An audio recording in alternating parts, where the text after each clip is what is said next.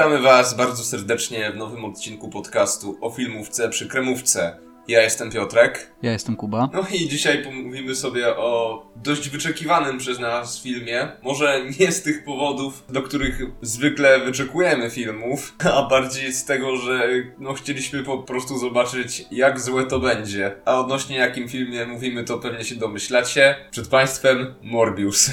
Tak, jeśli słuchacie naszego podcastu dłużej niż jeden odcinek, to pewnie zdążyliście wyłapać, że co jakiś czas padała ta nazwa tego filmu w poprzednich odcinkach. Wyraźnie zaznaczaliśmy, że oboje czekamy na ten film, bo zapowiadał się bardzo źle. Zapowiadał się trochę jak taki jeden z tych filmów, które są na tyle złe, że po prostu że aż, aż się je przyjemnie ogląda. Wiele, wiele rzeczy się złożyło na obraz tego filmu, czy to w naszych oczekiwaniach, czy to jak e, wyszedł ostatecznie. Od razu zaznaczę tutaj, że nie będziemy się bawić w strefę bezspoilerową, bo to jest taki przykład filmu, który najlepiej jest omawiać na konkretnych przykładach, konkretnych momentów w filmie, także nie, nie żebyśmy was zachęcali do oglądania tego filmu, bo uwierzcie, że nie warto, ale po prostu miejcie na uwadze, że lecimy tutaj full spoilerowo w, tej, w tym odcinku. Tak, ja tutaj właśnie też może powiem, że to nie jest ten case co y, z Venomem dwójką, czy z Venomem nawet w pierwszej części, że pójdę i się pośmieję na filmie, to po prostu tu, tu jest płacz i zgrzytanie zębów, że tak powiem. E, Straszna umieralnia.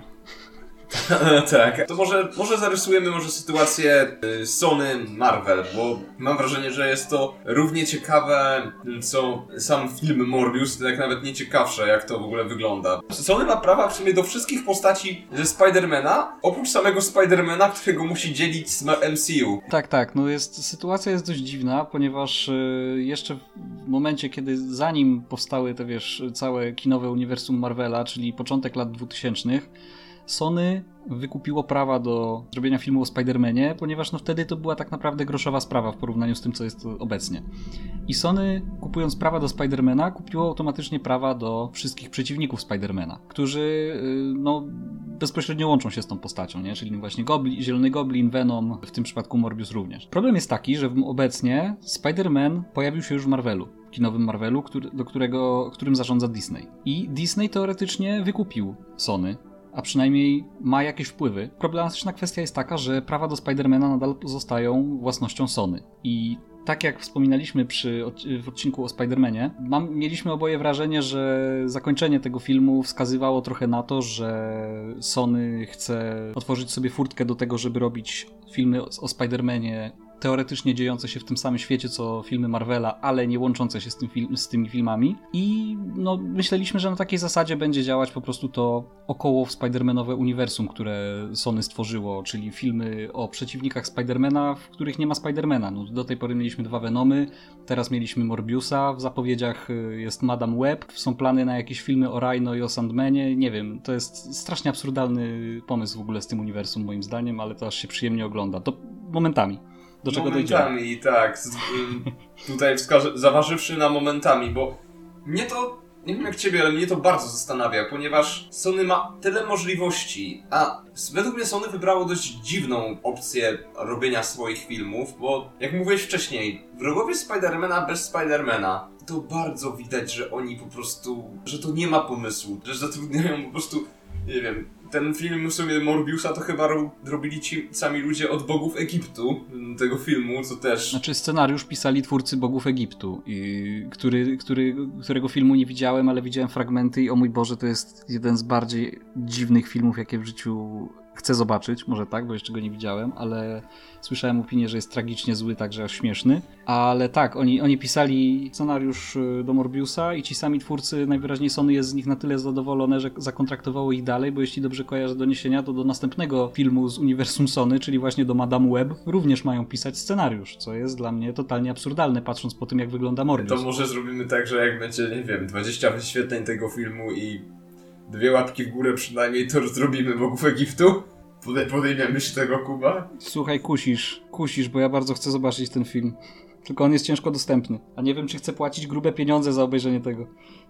No ale jak może, jak drodzy słuchacze darzą uznać, że może e, chcą, to kto wie, kto wie, może coś się trafi. Ale w każdym razie tak, na razie o Venomie, bo jedna rzecz mnie właśnie zastanawia, bo Spider-Man sam siebie jest na tyle popularną postacią, że w tym momencie już powstało tyle postaci będących praktycznie Spider-Manami, a nie będących Peterem Parkerem. Bo oni dzielą z MCU prawa do, głównie do Petera Parkera, ale nic by ich nie powstrzymywało, żeby zrobić na przykład film odnośnie na przykład Spider-Man Noir, odnośnie kurczę Spider-Gwen. Jest jeszcze postać tego Kane, który jest klonem Spidermana, tylko takim bardziej zabójczym, więc mogłyby, mogliby to podciągnąć pod R-rated film. Wiadomo, że taki e, zwykły widz mało co zna takie postacie, ale no też umówmy się, który widz zna takiego Morbiusa, więc... A myślę, że na przykład taki film na przykład o Spider-Man Noir w klimatach właśnie kina Noir o wiele by lepiej mógł po prostu przyciągnąć ilość odbiorców niż taki Morbius typowy.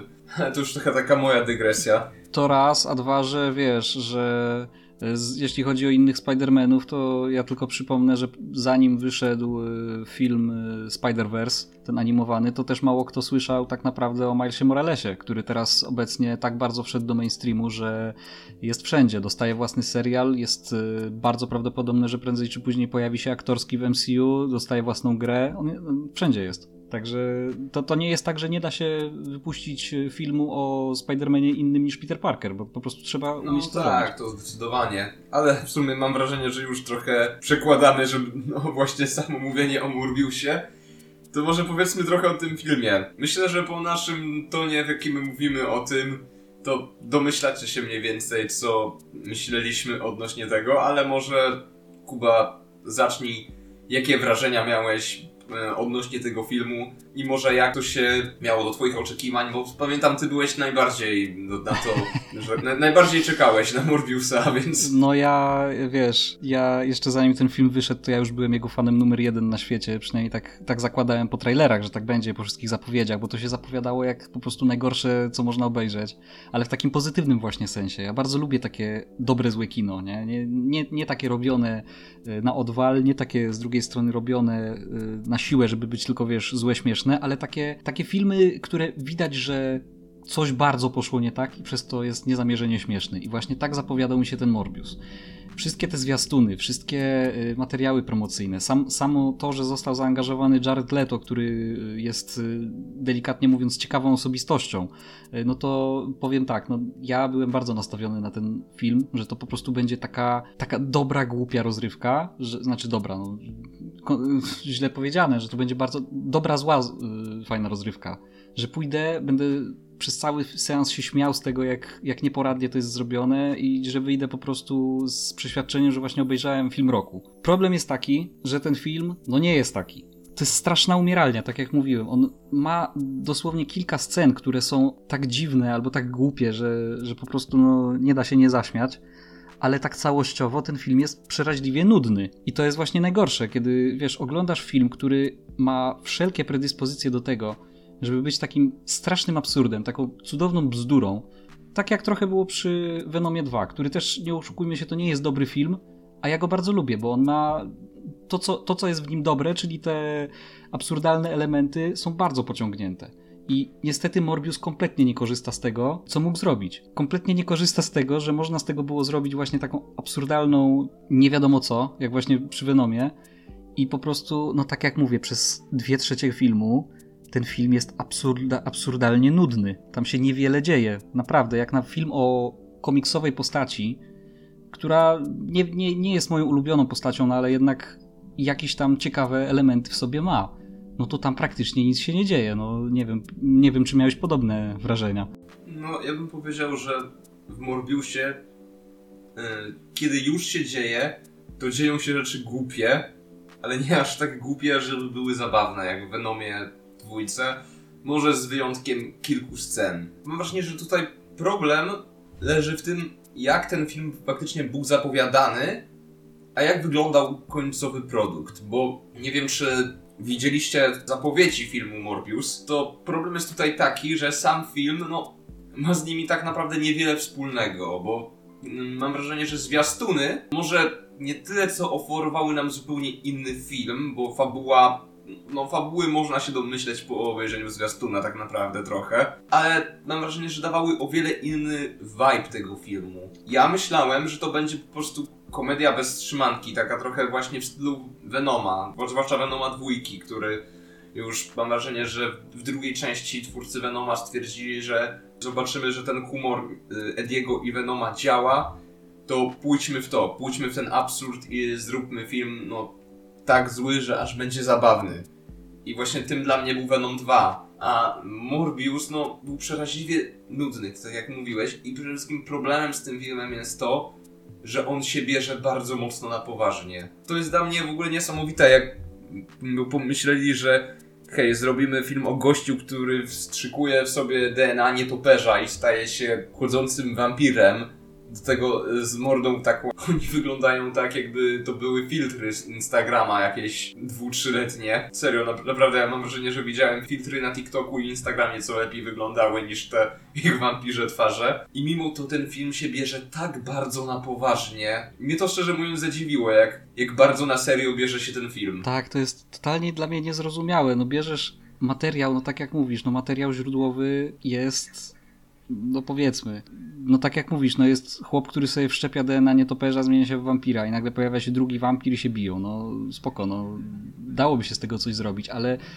dlaczego Jared Leto gra tam główną rolę tak, jakby wyobrażał sobie, że on gra w jakimś ciężkim dramacie. I to też nie, nie, nie będę ukrywał, nie jestem fanem Jareda Leto jako aktora, bo moim zdaniem on jest dużo lepszym muzykiem niż aktorem, a on tutaj po prostu tak próbuje momentami przeaktorzyć, tak, jak, no dosłownie jakby tam, wiesz, liczył na to, że jakąś nagrodę aktorską za to dostanie, a jak są te sceny dramatyczne, gdzie on próbuje pokazywać, jakie to, jakie to dramaty przeżywa, jak, jak mu ciężko w życiu, że on musi tą krew pić, czy co, cokolwiek, no to jest, to jest śmieszne i jest nie, nie, nie, w tym pozytywnym sensie śmieszne, że oglądasz i po prostu tak jak na przykład czy, czy to przy Venomie, czy przy innych takich złych filmach. To jest śmieszne, kiedy sobie pomyślisz o tym, że faktycznie Jared Leto mógł sobie pomyśleć, że on to zagra na poważnie i widząc taki scenariusz. Tak, zgadzam się z tym, ponieważ to, co działo się w tym filmie, to po prostu, szczerze mówiąc, trochę już mnie głowa boli przy,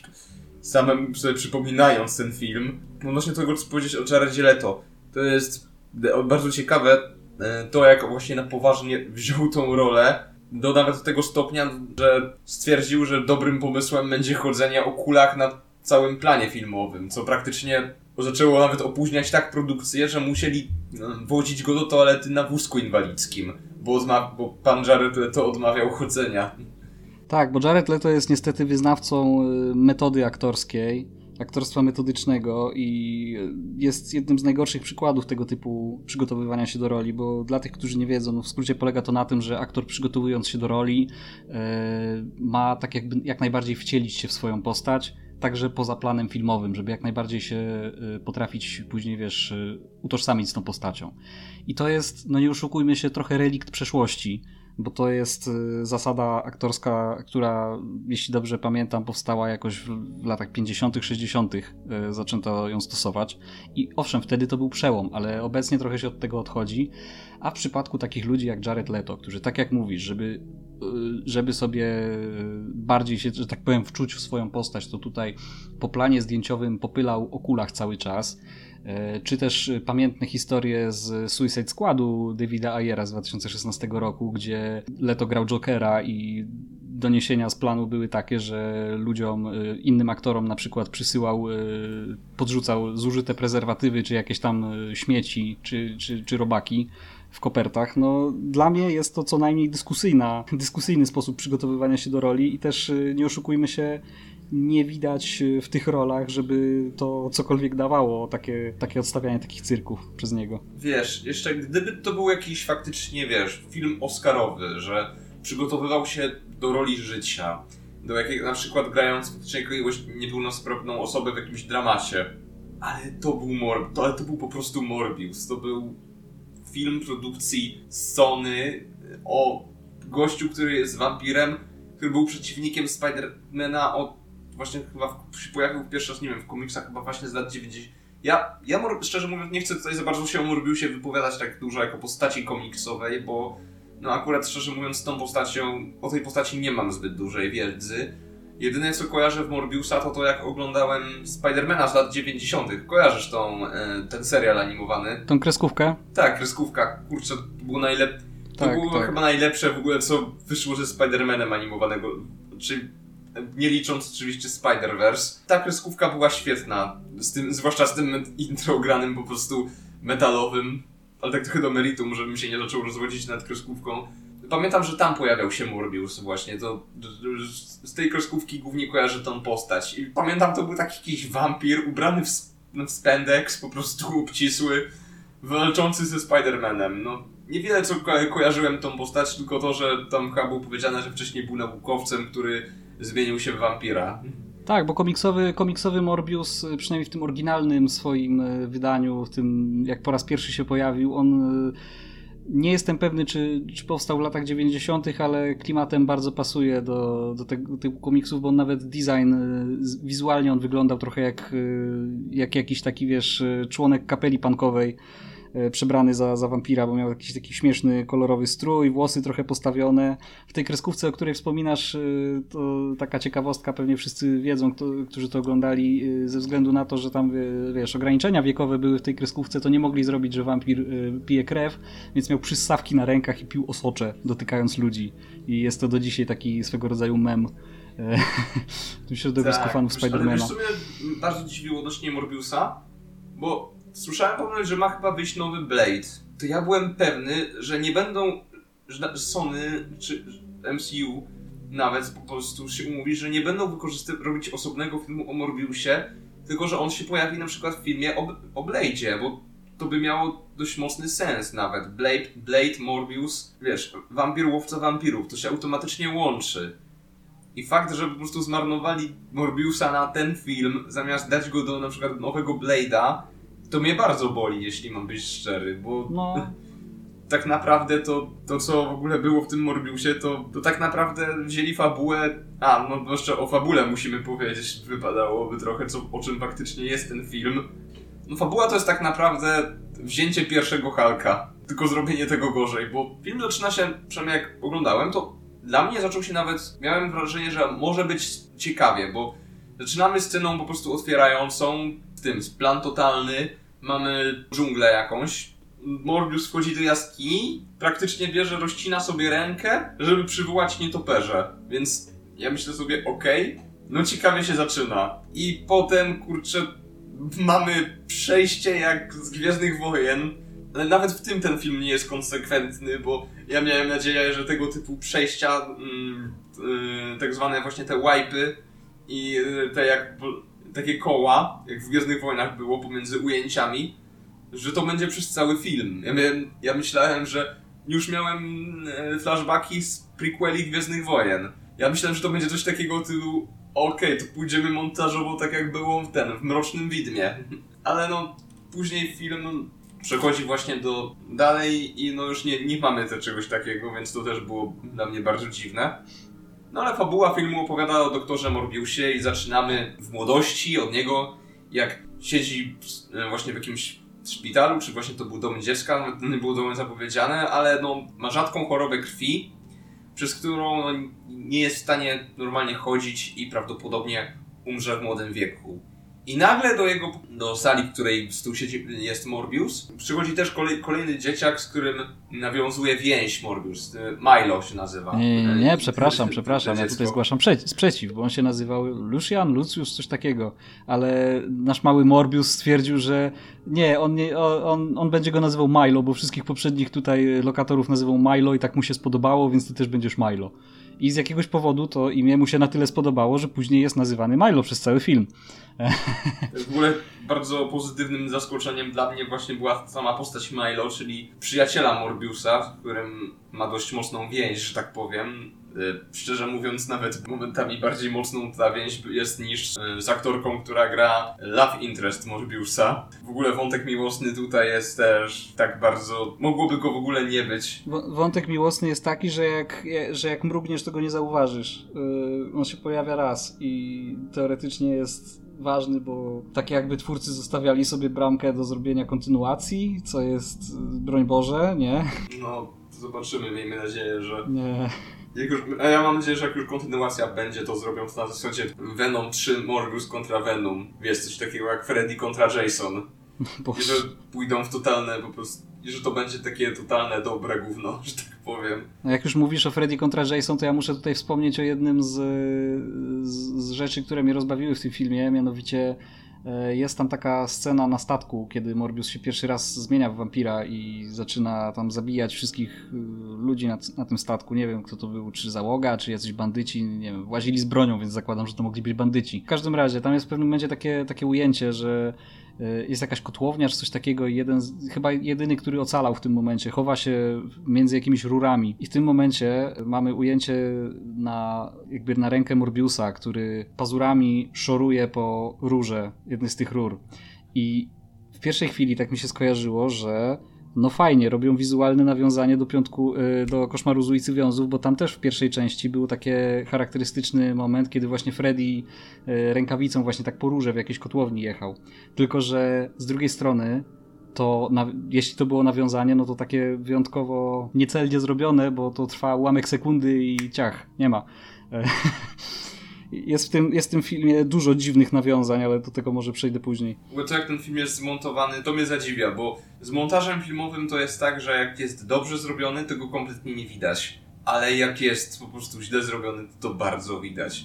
Ja momentami miałem wrażenie, że część scen była w ogóle powycinana z tego filmu. Nawet trochę ciężko właśnie mówić o fabule, bo ten film nie ma aż takiej fabuły. To jest dosłownie gość zamienia się w wampira i przez cały film dzieje się akcja wokół niego, a on sam niewiele co robi. Właśnie konflikt cały jest taki, że, że musi pić ludzką krew, inaczej umrze, ale ma to syntetyczną krew. I ja myślałem, że w pewnym rodzaju okej, okay, to ta krew się mu w końcu skończy i, i będzie musiał zacząć pić ludzką, więc to pewnie będzie zacznie zabijać, pewnie będą go tam ścigać, policja i będzie coś takiego w stylu Halka, że jakby walka z własną naturą. I mi się bardzo mocno skojarzyło właśnie z tym pierwszym filmem o Halku dlatego, ale nagle w połowie filmu wchodzi nam postać Milo, grana właśnie przez Mata Smitha, który w ogóle nie jest to pokazane w jakiś sposób, ale w jakiś sposób dorwał się do serum Morbiusa i sam stał się wampirem i stwierdził, że a on będzie zabijał, bo on nie ma z tym problemu i z jakiegoś powodu chce walczyć z Morbiusem.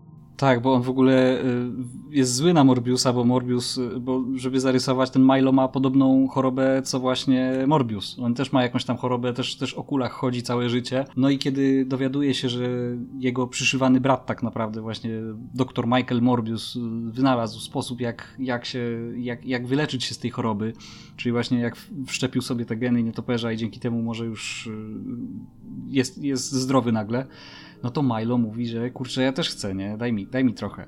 A Morbius mu mówi, że no sorry, nie dam ci, bo ja, ja sobie wszczepiłem, ale ja żałuję, to, to, jest, to był błąd, bo ja teraz muszę pić ludzką krew i w ogóle no nie, nie, nie, nie zrobimy tego. No i Milo się wkurza. To nie jest fajnie, nie, nie tak. tak, tak od razu mu, mu, tak mówi. Tak. I co jest dla mnie mega idiotyczne, ponieważ on sam właśnie sobie zrobił i mówił, że nie, nie, nie, a ja się mogę wyleczyć z tego, ale tobie nie dam. Nawet jak ci to, to mogło przedłużyć życie.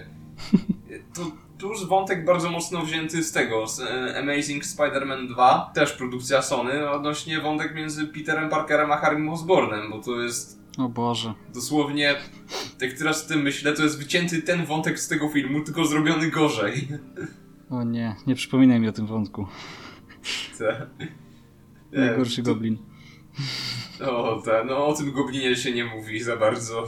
Jeśli chodzi o Amazing Spider-Man, to najlepszą częścią tego filmu i tak był Andrew Garfield. No. Ale jeśli chodzi o Morbiusa, no właśnie mamy właśnie tą konflikt zarysowany, ale i tak to nie jest w tym konsekwentny, bo tak naprawdę Milo nie ma żadnego powodu, aby gonić Morbiusa i chcieć go dorwać, to powinno być na odwrót. Ale w całym filmie to właśnie Milo jest tak, że o, zawołaj Morbiusa, chce się z nim tutaj porywa mu narzeczoną nagle w jednej scenie i to jest tak dosłownie będę złolem, bo jestem zły, aby być zły, bo tak wymaga od tego fabuła, ale tutaj muszę pochwalić i to bardzo mocno, że pomysł obsadzenia w tym filmie Mata Smitha to jest chyba jedyny dobry pomysł, na który wpadli w ogóle ktokolwiek, kto tworzył ten film, ponieważ on jest złoto, jedną złotą gwiazdką w tej ciemności, że tak powiem. Przynajmniej dla mnie. Za każdym razem, jak była scena z Milo, to ja miałem wielki uśmiech na twarzy, bo Matt Smith stwierdził, że on wie w czym gra, wie jaki to jest rodzaj filmu, więc po prostu, więc to będzie tak bardzo over the top, jak tylko mu to możliwe. Tak, Matt Smith w ogóle sprawiał wrażenie, jakby jedyny z całej tej ekipy aktorów wiedział yy, na, na planie jakiego filmu się znajduje i tak jak mówisz, on tam czasem ma takie sceny perełki. No, część z nich to ja jestem praktycznie przekonany, że on zaimprowizował bo jakoś może mam za duże, że tak powiem, mniemanie o panach y, scenarzystach, ale ciężko mi sobie wyobrazić, że nagle w tym filmie, w scenariuszu jest scena, że Milo tak kompletnie bez powodu zaczyna sobie tańczyć w samych gaciach przed lustrem, a taka scena jest w tym filmie. Więc ja jestem praktycznie pewny, że Matt Smith zaimprowizował trochę tę część przynajmniej scen. Też jeden z niewielu udanych żartów w tym filmie, który mnie aktualnie e, nawet rozbawił, kiedy lekarz pyta Milo w skali od 1 do 10, jak bardzo silny jest twój ból, a Milo mu odpowiada, że 11. No i to jest takie, wiesz, Matt Smith, jedenasty doktor, nie? No to fani doktora Who zrozumieją. A, faktycznie, to, to teraz kojarzę już, że muszę tak e, śmiać wtedy na kinie z tego, bo tak. ja trochę aż tak nie zauważyłem nawią- subtelne nawiązanie, to akurat doceniam. Nawet, wiesz co, nawet, nawet bez tej wiedzy, nawet bez, nawet, fu, nawet bez tej wiedzy ten żart jest, ta scena jest dość zabawna, nie, nie ze względu na to, że ten żart jest jakoś zabawny, ale on to mówi z taką śmiertelną powagą, a ten dialog jest tak cringe'owy, że... Tak, to, to, to, jest, to, jest, to jest to jeden z niewielu momentów w tym filmie, gdzie dialogi są tak cringe'owe, że aż można się pośmiać, bo są tak, wiesz, z takim kijem w dupie przysłowiowym powiedziane, że... Ach Coś pięknego. Bo powiem a, a propos ciekawostek, bo chyba nawet nie powiedzieliśmy do końca, jak oszukał zwiastun, oprócz tego, że nadał filmowi kompletnie inny ton. Ja mam wrażenie, że w zwiastunach bardzo mocno chcieli połączyć z MCU i ze Spider-Manem, bo jest scena w zwiastunie, co po prostu Morbius, Morbius chodzi i jest na, za nim wielkie graffiti ze Spider-Manem, z Andrew Garfieldem, więc automatycznie zwiastun nam mówi, że o, może Spider-Man. To, co jest dla mnie niewybaczalne, jeśli chodzi o zwiastun, że wycięli jedyny śmieszny żart w zwiastunie, który był. Nie mówię, żeby to uratowało ten film w moich oczach, ale na pewno przyjemniej się oglądało. Bo jest scena, kiedy Morbius znajduje laboratorium właśnie jakichś ludzi, którzy produkują narkotyki e, i chce je wykorzystać do zrobienia serum, które ma zabić Milo. Bo w sumie stwierdza, że jak jest wampirem i będzie musiał się w końcu żywić ludźmi, to lepiej, żeby zginął więc najpierw, więc ma plan, żeby najpierw zabić Milo, a potem siebie. Co koniec końców i tak spełza na niczym, bo film kończy się tym, że Morbius zabija Milo, odlatuje i wszystkie wątki, które były rozpoczęte na początku filmu zostaną, zostają ucięte w połowie. Na przykład ten wątek tej dziewczynki w śpiączce. No ale wracając jeszcze właśnie do tego, co mówiłem wcześniej o tym żarcie. Bo jest ta scena właśnie, co Morbius mówi, jestem Venom, ale potem mówi, nie, żartowałem, doktor Michael Morbius. I okej, okay, to nie jest jakiś żart wysokich lotów, ale jak oglądałem zwiastun, to ten żart, pamiętam, mnie nawet rozbawił, bo okej, okay, takie nawiązanie, że Venom jest w tym samym uniwersum, ale było to w jakiś sposób zabawne. A w filmie on ze śmiertelną powagą mówi, jestem Venom. I, po I potem uciekają, więc ja nie wiem, kto wymyślił, że wytniemy ten żart i zostawimy tą kwestię, która w kontekście tego filmu nie ma najmniejszego sensu, ponieważ Venom nie jest nawet przez moment wspomnianym w tym filmie. Może czepiam się tu szczegółów, ale to, ten, ten moment mnie naprawdę zirytował.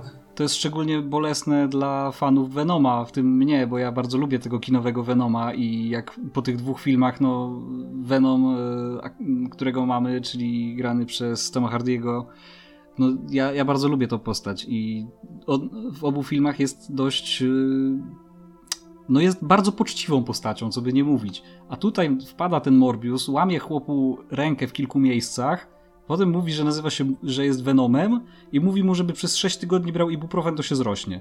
No i pomyśl sobie teraz, ten biedny Venom w tym świecie wróci sobie z tych wakacji, które ma na końcu Venoma 2, wróci sobie do tego swojego miasta i co? I, I, nagle się dowie, że y, ludzie, ludzie myślą, że, że on ludziom y, ręce łamie po, jakichś uliczkach. No kurczę, no biedny Venom, no szkoda mi się go zrobiło, nie?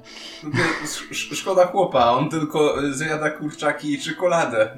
Okazjonalnie jakąś głowę, ale to, to rzadko. Ale tak, no ej, pomysł na trzecią część Venom kontra Morbius już jest powód do tego, żeby walczyli ze sobą. Chociaż szczerze mówiąc, jeśli te walki miałyby wyglądać jak w tym filmie, to może lepiej nie. Bo... O mój Boże.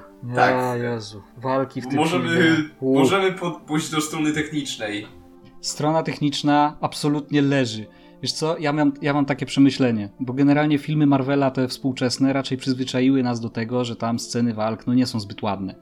Natomiast Morbius to jest po prostu tak jak wiesz, jak powiedzmy średni poziom walk w filmach Marvela to jest tak powiedzmy jakbyś położył coś na podłodze na parterze, no to Morbius jeszcze 10 pięter w piwnicy przebija. To, są, to jest tak źle zrealizowane. W ogóle kto wpadł na pomysł, żeby wszystkie walki wyglądały w ten sposób, że kamera się trzęsie, jest ciemno, nie widać nic, po czym masz dwie sekundy z ujęcie w slow motion, tak, który wygląda jakby, jak czasem masz w grach, yy, wiesz, yy, filmiki przerywnikowe i musisz w pewnym momencie, wiesz, masz sekundę, żeby wcisnąć jakiś przycisk, żeby wykonać jakiś, yy, jakąś kombinację ataków. No to to tak wygląda. I potem znowu nic nie widać, nic nie widać, znowu slow motion. To jest padaka straszna. Boże, kto, kto to zrobił? Faktycznie mówisz o scenach walki. Mam wrażenie, że trochę jako widzowie jesteśmy rozpieszczeni przez MCU i e, no narzekamy na to, że na przykład Spider-Man No Way Home sceny walki były paskudne czy CGI. Nie były jakieś najlepsze może, ale jeśli mam wybierać pomiędzy MCU a Morbiusem, to ja ci powiem szczerze, ja po tym filmie, ja wyszedłem po prostu, już,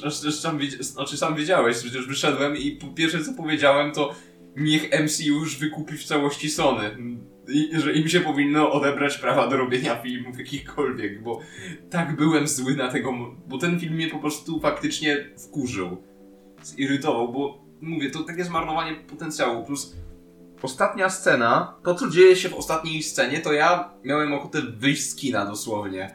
Pierwszy raz, pierwszy raz od bardzo dawna. Ja chyba. Ja mam coś takiego, że jak zawsze, jak nawet oglądam straszną padakę, to staram się znaleźć coś dobrego w tym. I tak samo na przykład Spider-Man No Way Home, mimo to, że yy, większość właśnie ludzi z naszego otoczenia nie przepadała z tym filmem, ja cały czas mam do tego jakieś pozytywne odczucia, że hej, był to fanserwis, ale no ja lubię tego typu fanserwis, nie było to takie złe nawet do takich filmów typu na przykład Ghost Rider oryginalny, czy prequele George'a Lucasa Gwiezdnych Wojen, czy Daredevil, to jak, jakieś ciepłe jakby, może to, może to jest uczucie nostalgii, może to, że, może, może faktycznie te filmy coś w sobie miały, przynajmniej zabawnego, ale no w każdym razie, no cięż, ciężko mi jakiś film tak zjechać albo wystawić mu negatywną opinię.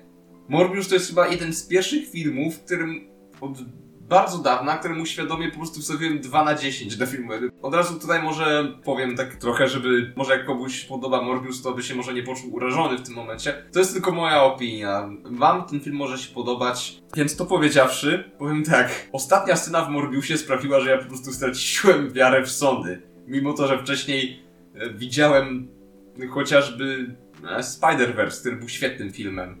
Ale rozpocząć scenę walki od tego, że to zaczyna się na dachu, potem jest ciemno, ciemno, ciemno, nic nie widać kompletnie. Mamy slow motion, co Morbius walczy z Milo i w jakimś cudem lądują w kanałach, po czym Morbius atakuje tak jak normalnie jakąś mocą e, Street Fightera, przyzywa stado nietoperzy, które powala Milo, mimo to, że Milo wziął tą samą serum co Morbius, więc teoretycznie też powinien być połączony z tymi nietoperzami jak on. Film jakoś nie wyjaśnia, dlaczego Morbius ma tą specjalną więź z, z nietoperzami. I potem po prostu film kończy się na tym, że Morbius wyskakuje z kanałów. Wiem, że może to, co opisałem jest dość chaotyczne, ale tak to wygląda w filmie. Słuchaj, to nie jest bardziej, to na pewno nie, co powiedziałeś, nie jest bardziej chaotyczne niż ten film. Nie, nie wiem, czy dało się to lepiej opisać, bo no tak jak mówisz, po prostu tak, tak się właśnie ten film kończy. I w sumie, gdyby się skończył, nie wiem, dwie minuty wcześniej, to nie wiem, czy to by jakkolwiek odebrało jakości temu filmowi, a tym bardziej bycia bardziej zrozumiałym. Nie, ja myślę, że to jest po prostu ten przykład filmu, który wiesz, jak wyjdziesz w trakcie, to nic nie stracisz. Dlatego, tak jak mówiłem na początku, stanowczo nie zachęcamy do oglądania tego filmu. Nie, Odradzamy. To jest chyba jeden z nielicznych filmów, co powiem, że naprawdę nie warto. Nie warto tracić czasu, nie, da, nie warto dawać pieniędzy na ten film, bo po prostu lepiej już, jak już to poczekać, aż to się pojawi w internecie, obejrzeć jakąś składankę najlepszych, najgorszych scen na YouTubie, to, to, to na spokojnie wystarczy. A no to tak naprawdę tym jest ten film składanką scen. Trochę tak. I, I, wiesz co, najlepsze jest to, że nie jesteśmy jedyni w tych odczuciach, bo generalnie to, że odbiór tego filmu jest bardzo słaby, bo zarówno od widzów, jak, jak i od krytyków są naprawdę słabe opinie, to jeszcze ma jakiś rekordowy spadek, jeśli chodzi o box office, bo jak y, w weekend otwarcia tam wiadomo, no siłą rozpędu zawsze trochę ludzi pójdzie na film komiksowy, to teraz już po tym tygodniu od premiery, już teraz nie pamiętam, ale o prawie no, kilkadziesiąt procent y, spadek. Ludzie w ogóle nie chcą chodzić do tego filmu na, na, na ten film do kina. I w ogóle to, to ja, ja, ani trochę się nie dziwię, bo no, jednak przekazywanie sobie tak wśród znajomych opinii też swoje robi i jak wiesz, pójdzie na przykład ktoś i obejrzy ten film i powie swoim znajomym, żeby nie, nie warto iść, no to wiadomo, że nie pójdą. Nie, to, to jest padaka, okropna padaka. W ogóle jeszcze tutaj się cofnę, bo mówiłeś, że, że po prostu widzowie też po prostu wszyscy krytykują. To co mnie dziwi to to, że Morbius ma 16% na Rotten Tomatoes, e, to nie jest akurat nic zaskakującego, ale to, że 70% ocen od widowni. To mnie zaskoczyło dość mocno. No tak, tak. Od widowni zawsze te, te, ta opinia jest zawyżona albo zaniżona w zależności od tego, jaka jest powszechna opinia o danym filmie. Też zawsze trzeba brać poprawkę na to, że czasem się trafiają ludzie, którzy po prostu robią, wiesz, y, masowo wystawiają najwyższe albo najniższe oceny, żeby tylko zbić y, dany film w rankingach wyżej albo niżej. Y, nie, nie jestem pewny, czy to była taka sytuacja, bo jakoś nie chce mi się wierzyć, że na świecie jest aż tylu fanów Morbiusa, że nagle postanowili tak wypchnąć ten film do góry, ale no dziwna jest ta, dziwna jest ta sytuacja sytuacja. No, coś faktycznie jest nie tak tutaj z tym, ale ja mam wrażenie, że to może że to chyba będzie film, który może dobić po prostu fanforstik, tak zwany fanforstik. Nie wiem, czy ktokolwiek pamięta ten film o Fantastycznej Czwórce z 2015 roku. O Boże, tak. Ojej. Co no, w moim osobistym rankingu, słuchaj, Morbius dokonał niemożliwego, bo myślałem, że nie uda się y, mi w życiu obejrzeć filmu komiksowego, który ocenię niżej niż tą fantastyczną czwórkę sprzed 7 lat. Udało się. Udało się zdecydowanie. Tamten film przynajmniej miał jakąś w miarę składną fabułę. Tak. Przynajmniej efekty specjalne, mimo że nie były, nie były jakoś specjalnie wybitne, to przynajmniej tam cokolwiek było widać. Właśnie ta fantastyczna czwórka to z jednej strony to brzmi zachęcająco, ale nie wiem, czy po Morbiusie chciałbym sobie robić to, sobie to robić, żeby fantastycznie, bo tego filmu jeszcze nie widziałem. Ale no, z tego co widzę, to mm, na razie Morbius ma 16% na Rotten Tomatoes, fantastyczna czwórka z 2015 9%. Więc, no tak. A, jeszcze jedną rzeczą chciałem wspomnieć, która jest dość. Która, ten, mam wrażenie, że po prostu twórcy, bar, podobnie jak z Venomem, bardzo chcieli zrobić film PEGI 18, ale studio powiedziało, że ma być PEGI 13, bo podczas sceny, gdy Michael Morbius przemienia się w wampira na statku, podczas eksperymentu, który ufundował Nomen Omen Milo, w scenie, w której zabija tych wszystkich najemników, mamy pełno odgłosów tryskającej krwi. Ale najlepsze jest to, że oni nie, prawdopodobnie nie mogli pokazać tego, jak ta krew by tryskała, więc praktycznie to, co postacie robią, to chwytają się za szyję, padają na ziemię i po prostu same są dźwięki, jak ta krew z nich tryska i gulgocze. Ale... Tak, ja jestem bardzo pod wrażeniem, że pan reżyser Daniel Spinoza potrafi zrobić film o wampirze, nie pokazując tam krwi w innej postaci niż krew w tych woreczkach ze sztuczną krwią, które Morbius trzyma w lodówce. Jestem naprawdę pod wrażeniem, że to się udało, bo to musiał być niesamowity fikołek, żeby do tego dojść. Tak, właśnie mnie zastanawiało, że on nie może pić krwi zwierzęcej przecież spróbować coś takiego, ale nie. Wtedy musieliby pokazać, że on pije czerwoną krew. Ale jak krew ma kolor niebieski, to to nie jest krew. Tak, w ogóle jeśli chodzi w ogóle o, o picie krwi, to ja bym bardzo chciał tutaj docenić e, sposób, w jaki jest to prezentowane, bo jest kilka razy w tym filmie pokazane, jak e, Morbius wyciąga po prostu z lodówki taki woreczek ze sztuczną krwią i go sobie wypija naraz. E, ja po prostu, jak zobaczyłem to i pierwsze co mi przyszło do głowy, wygląda jakby właśnie zjadał czekotubkę albo jakiś, nie wiem, mus w takiej, w takikiej tubce i ja już nie mogłem tego zobaczyć do końca filmu, po prostu za każdym razem widziałem oczami wyobraźni Jareda Leto, który tak pochłania czekotubkę naraz. Nie, to, to dużo dodało śmieszności do tego filmu. No to mi się aż tak to nie skojarzyło, ale teraz jak tym powiedziałeś, no faktycznie powiem, że to, to, to akurat jest dość zabawne w sumie. Może dlatego, że jestem po prostu fanem czekotubek. Może dlatego to po prostu Jezu, to widzę. Jest tak dawno. Teraz mi kurde smaka narobiłeś na czekotubkę, żebym sobie kurczę zjadł. Ten odcinek nie jest sponsorowany przez czekotubki, aczkolwiek jeśli chcecie nam zasponsorować podcast, nie obrazimy się. Jak najbardziej. Mail będzie w opisie. nie. Tak, ale w każdym razie, jeśli chodzi o Morbiusa, czy można coś jeszcze powiedzieć o tym filmie? Tak patrzę. Ja mam jedną rzecz. Ja mam jedną rzecz. Słuchaj. E, pewnie kojarzysz, tam jest takich dwóch policjantów. Oni się pojawiają co jakiś czas, nie? Hmm? w tym filmie. A, tak, policja. Jest, A, y, dobrze, że o tym wspomniałeś, bo chciałem O właśnie Boże, też... dwóch, dwóch policjantów granych y, przez jednego gra Tyrese Gibson, drugiego gra y, aktor się nazywa Al Madrigal, którego nie kojarzę niestety. Natomiast powiem tak, jak ja ich zobaczyłem w pierwszej scenie, to mówię, to wygląda trochę tak, jakby podczas kręcenia y, filmu do reżysera się odezwali znajomi albo rodzina i zapytali, czy dałby im jakąś rulkę w tym filmie. I on by im powiedział, w sumie to wejdźcie na plan, udawajcie policjantów. Oni trochę tak wyglądają właśnie jakby bardzo próbowali udawać policjantów. No, zobacz jak, jak bardzo dziwne są te ich dialogi. Oni tam wchodzą, jakoś tak się rozglądają teatralnie po tym miejscu zbrodni, czy gdzie tam akurat się znajdują i takie błyskotliwe dialogi na zasadzie hmm, wszystkie ofiary są pozbawione krwi. Nasz zabójca zabija tylko w nocy. Czy to znaczy, że jest wampirem? Nie, wampiry nie istnieją, ale wygląda jak wampir. I tak przez cały film.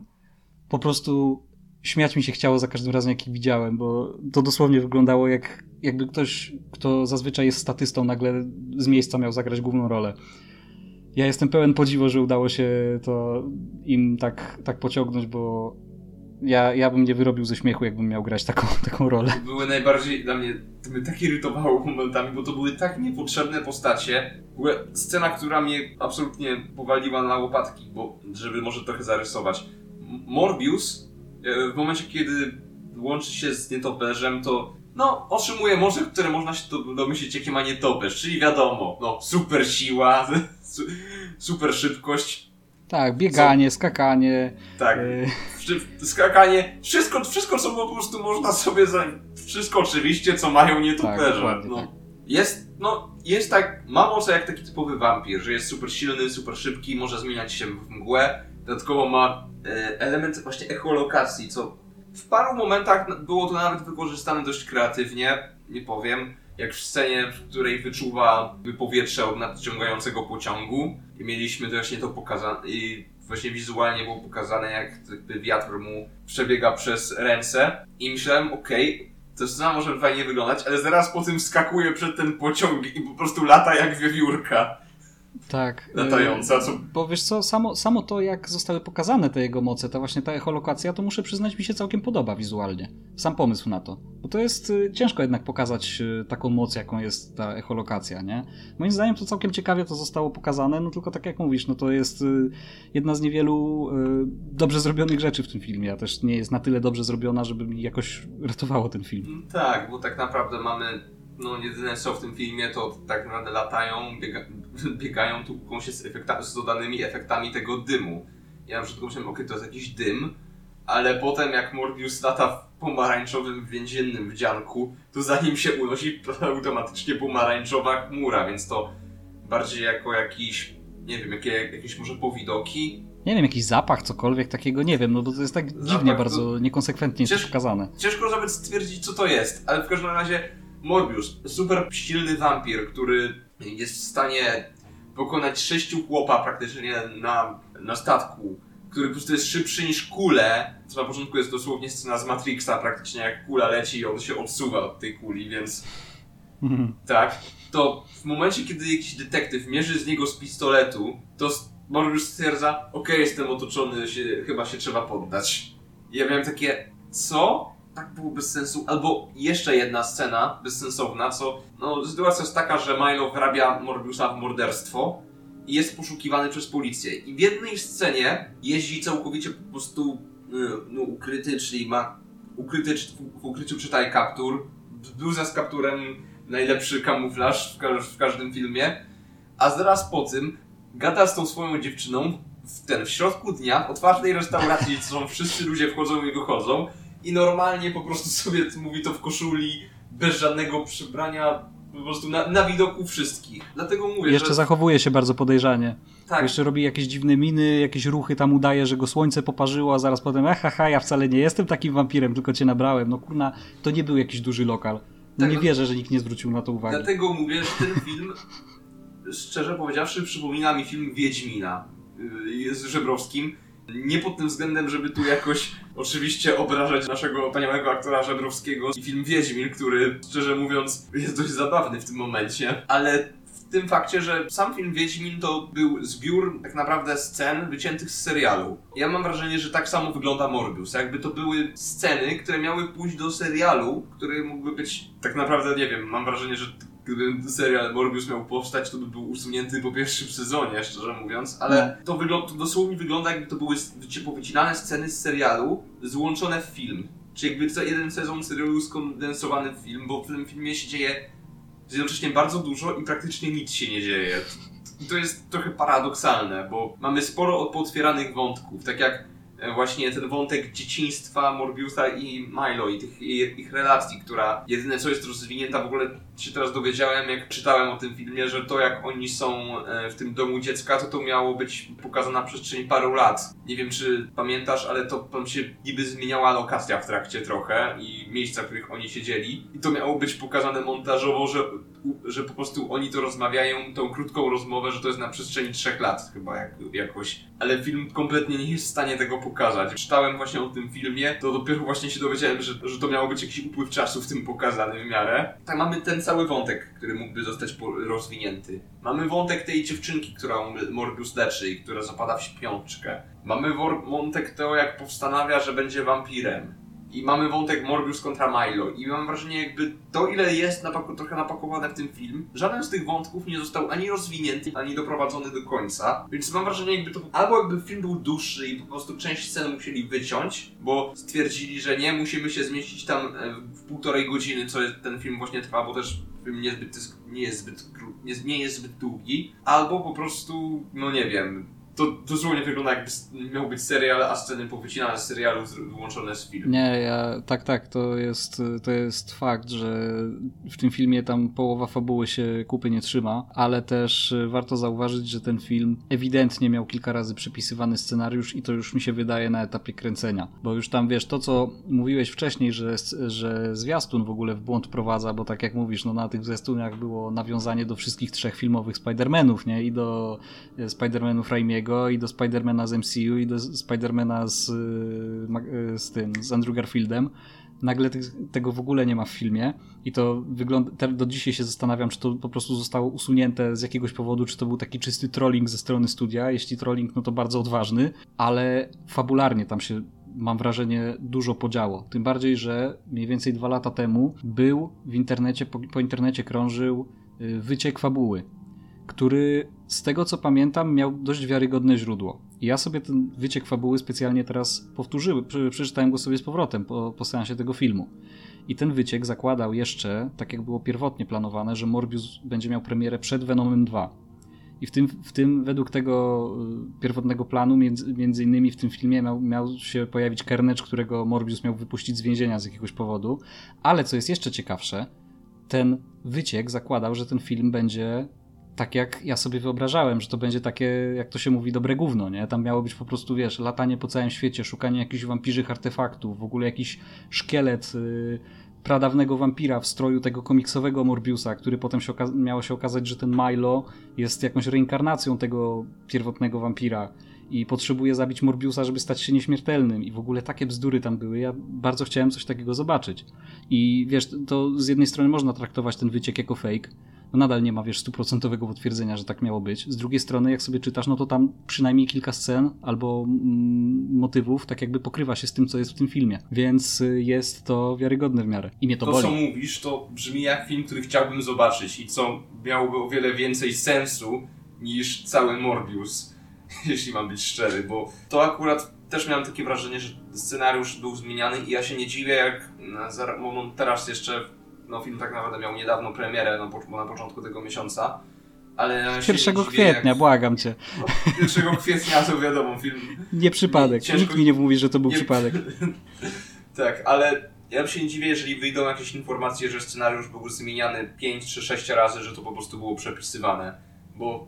No tak to wygląda. No, bo to wygląda, jakby to pisało dwóch, trzech typków, którzy nie mieli ze sobą kontaktu i po prostu każdy napisał inną część. Szczerze mówiąc. Takie miałem trochę skojarzenie. No.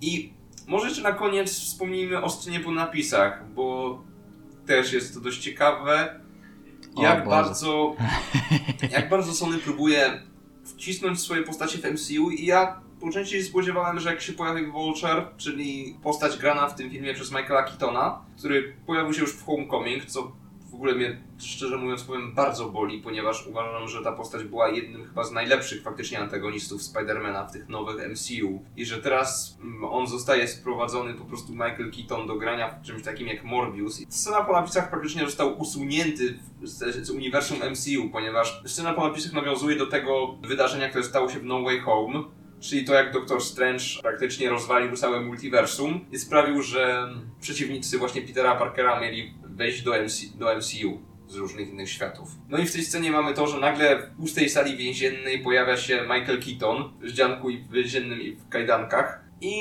na początku mówi hm, ciekawe czy mają lepsze jedzenie niż w więzieniu. Po czym mamy po prostu kolejną scenę po napisach, po tym jak już go wypuścili, jak spotyka się z doktorem Morbiusem, chyba za tym stoi Spider-Man. Mnie to tak zirytowało. Teraz mogę zrobić trochę, że tak powiem, lekki rant, ale w sumie cała ta, mam wrażenie, nasz podcast to jest rant, ponieważ Vulture, e, grany przez Michaela Keatona, to była jedna z moich faktycznie ulubionych postaci e, z Homecoming. I ja nadal uważam, że Homecoming to najlepszy Spider-Man z Tomem Hollandem. Tutaj mamy po prostu w tym filmie w Homecoming prostą historię, coming of age story, właśnie takie to jak Peter Parker faktycznie staje się tym Spider-Manem, czyli to, co próbowali zrobić w ostatniej części, tylko w pierwszej zrobili to faktycznie i zrobili to lepiej. I mamy postać tam e, Vulture'a, który ma chyba najbardziej wiarygodną motywację ze wszystkich tych przeciwników Spidermana, że to nie jest jakiś złol, bo jest bo jestem zły, tak jak e, Zielony Goblin czy Szalony Naukowiec. Nie jest to żaden po prostu koleś, który został zmutowany z jakimś stworem, tak jak e, Jaszczur. Nie. To jest po prostu zwykły typ z klasy robotniczej, który został, który po prostu stracił pracę przez Tonego Starka i przez to, i przez wielkie korporacje, które się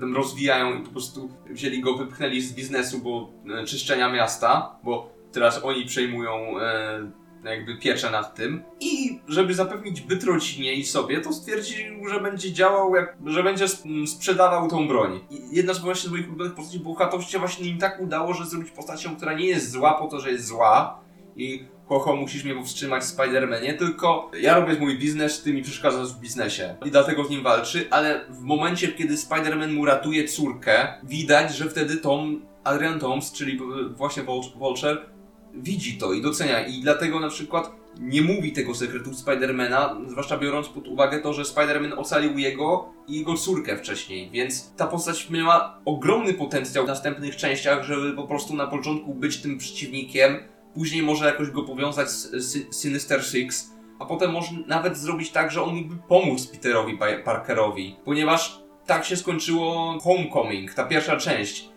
ale nie. Dalsze filmy musiały po prostu zapomnieć, że taka postać jak Vulture była, bo stwierdzili ten, e, że okej, okay, dobra, Misterio to jeszcze myślałem, że spoko, też Jake Gyllenhaal, ale myślałem, że później może to zrobią jakoś, że ten Vulture będzie tą ostatnim właśnie Sinister Six, co że jakoś go przynajmniej powiążą z, tymi, z tą resztą tych złoczyńców. I że to będzie cały mm, Far From Home, właśnie to będzie cały motyw, ale nie. Far From Home też zapomniało o istnieniu tej postaci, i nagle dostaniemy tej, tą postać, którą po prostu była w filmie Homecoming, co już mam wrażenie część widzów Spidermana zapomniała w ogóle o tej postaci, jest wrzucana do filmu Morbius, kurde. I to zrobiony po prostu jeszcze w roli kompletnie inny charakter niż miał w, w pierwszym filmie z Spider-Manem. W ogóle on nie reaguje na zasadzie, gdzie jest moja żona, gdzie jest moja córka, cholera, muszę wrócić do mojego uniwersum, tylko to pewnie ma coś wspólnego ze Spider-Manem. Połączmy siły i i, zrobimy, i zróbmy z niego tak, kreskówkowego złoczyńcę, kurczę, mimo to, że wcześniej był faktycznie jedną z bardziej rozwiniętych postaci. Przepraszam bardzo, uniosłem się. Jesteście sali? Nie no, powiem ci tak. Ja się ani trochę nie dziwię, bo ja jak zobaczyłem te sceny po napisach, to powiem ci, ja myślałem, że mi się coś przywidziało. To jest, ja, wiesz, wiadomo, że sceny po napisach w filmach Marvela to już jest klasyk, tam zawsze jest scena po napisach. Wszyscy wiedzą, że te sceny po napisach są po to, żeby zapowiadać kolejne filmy. Tylko powiem tak. Po pierwsze, tak jak mówisz, jak to jest absurdalnie źle napisane, że chłop pojawia się nagle, wiesz, w zupełnie nowym świecie, którego nigdy w życiu na oczy nie widział i nie próbuje się wydostać, nie, nie wiem, nie, nie zastanawia się jak to się stało, tylko pierwsze, o, tam latał jakiś wampir, ja się z nim spotkam. W ogóle nie, nie wiadomo skąd, skąd on wziął swój kostium nagle tutaj w tym świecie. A potem jest ta piękna druga scena po napisach, gdzie Morbius o drugiej, o drugiej w nocy jedzie sobie przez pustynię, zatrzymuje się w jakimś szczerym polu i podlatuje do niego ten, y, ten Vulture i mu mówi, że no połączmy siły, bo Spider-Man. Morbius nigdy w życiu nie słyszał o Spider-Manie, nie ma pojęcia kim jest ten człowiek, mówi no spoko. I powiedz mi, nie wiem, no kto to napisał? To po pierwsze. Po drugie, czy naprawdę istnieje na tym świecie ktoś, kto czeka faktycznie na film, gdzie Morbius będzie z Vulturem współpracował? Bo jakoś ciężko mi jest to sobie wyobrazić. Kurczę, no Vulture był fajną postacią. Morbius nie był fajną postacią. Nawet gdyby był, ja totalnie nie widzę, jakby mieli współpracować. Na jakiej zasadzie by to miało działać? To Tragedia. Tak na siłę rzucona tylko po to, aby po prostu pokazać, że patrzcie, też jesteśmy w MCU, my też tutaj jesteśmy w stanie robić, yy, się połączyć. Widzicie, należymy do MCU. Nie, nie, wiesz co... Takie, żał, takie rozpaczliwe, rozpaczliwe błaganie o uwagę. Tak to trochę wygląda. Tak, tak, nie. Ja, ja, ja ten, mnie ten film bolał. Po prostu mi jest w tym momencie autentycznie przykro. Ja już nawet ten etap, etap wściekłości miałem po, wyjścia, po wyjściu z kina, że na czymś takim byłem. Ale w tym momencie to jestem już smutny, że po prostu potencjał postaci taki miał już nawet pomijając Morbiusa, ale że to musiało zatopić pod postać, jaką był Vulture. Że teraz on będzie w, w w Sonyverse. To... Nie wiem, jak to będzie dalej pociągnięte. Ten film ani trochę mnie nie nastraja pozytywnie na przyszłość, na te przyszłe projekty. Teraz mi się przypomniało, że wśród tych zapowiedzianych na przyszłość projektów jest też film o Cravenie Łowcy, który ja z początkowo było planowane, że będzie przeciwnikiem Spidermana w trzecim filmie, ale potem zrobili No Way Home. I tak jak mówisz, no mnie ten film również bolał. Autentycznie y, to jest jeden z niewielu przypadków, gdzie ja siedząc na sali, ja patrzyłem dosłownie co chwila na zegarek, kiedy to się skończy, bo to było tak męczące, tak nudne. I wiesz co, ja się cieszę w tym momencie, że mieliśmy możliwość e, zobaczyć ten film trochę taniej. Tutaj pozdrawiamy kolegę Marcina, który załatwił nam tańsze bilety. Dziękujemy. Tak. E, bo inaczej, gdybym zapłacił za ten film pełną cenę biletu, to ja bym po prostu no, miał do siebie wyrzuty sumienia przez całe życie. I ja nie przesadzam, bo ja rzadko kiedy tak mam, że, że idę do kina i później żałuję, że wydałem pieniądze na jakiś bilet. A ja dużo złych filmów oglądam. Także straszna, straszna rzecz, nie, nie polecam ani trochę. Ale może, żeby nie kończyć na takiej depresyjnej nocie, to możemy polecić coś z wampirami, co może się naszym słuchaczom spodobać. Niedawno odkryłem za namową właśnie tutaj też znajomych ze studiów. Serial e, Taiki Watiti What We Do in the Shadows. Y, na, y, który powstał na podstawie filmu o tym samym tytule z 2014 roku. I dopiero jestem na pierwszych właśnie chyba czterech odcinkach, ale to jest tak dobre. Ja to polecam wszystkim. Serial typu Workplace Comedy, coś w stylu The Office, tylko z wampirami. I jeśli miałbym powiedzieć jakąś ostatnią wiadomość już na zakończenie podcastu, nie idźcie na Morbiusa, oglądajcie What We Do in the Shadows. To jest naprawdę świetny film i serial jest lepszy, jeszcze lepszy i mam wrażenie, że mało osób w ogóle w Polsce zdaje sobie sprawę, że taki serial w ogóle jest. To nie jest jakoś mocno popularne, ale z tego co widziałem, to to jest to, to, to, jest, to, to jest naprawdę warte obejrzenia. Zdecydowanie dużo lepiej to obejrzeć. Ja klasycznie polecę, polecam e, obejrzeć najlepszy film o wampirze, czyli Nosferatu, e, który parę dni temu, dosłownie, no, ze dwa tygodnie temu obchodził swoje setne urodziny ten film, więc no, a, a warto zaznaczyć, że jak na stuletni film nadal się trzyma bardzo dobrze. Swoją drogą jeszcze tylko wspomnę, bo mówiłem, że jest dużo dziwnych nawiązań w tym filmie, w Morbiusie.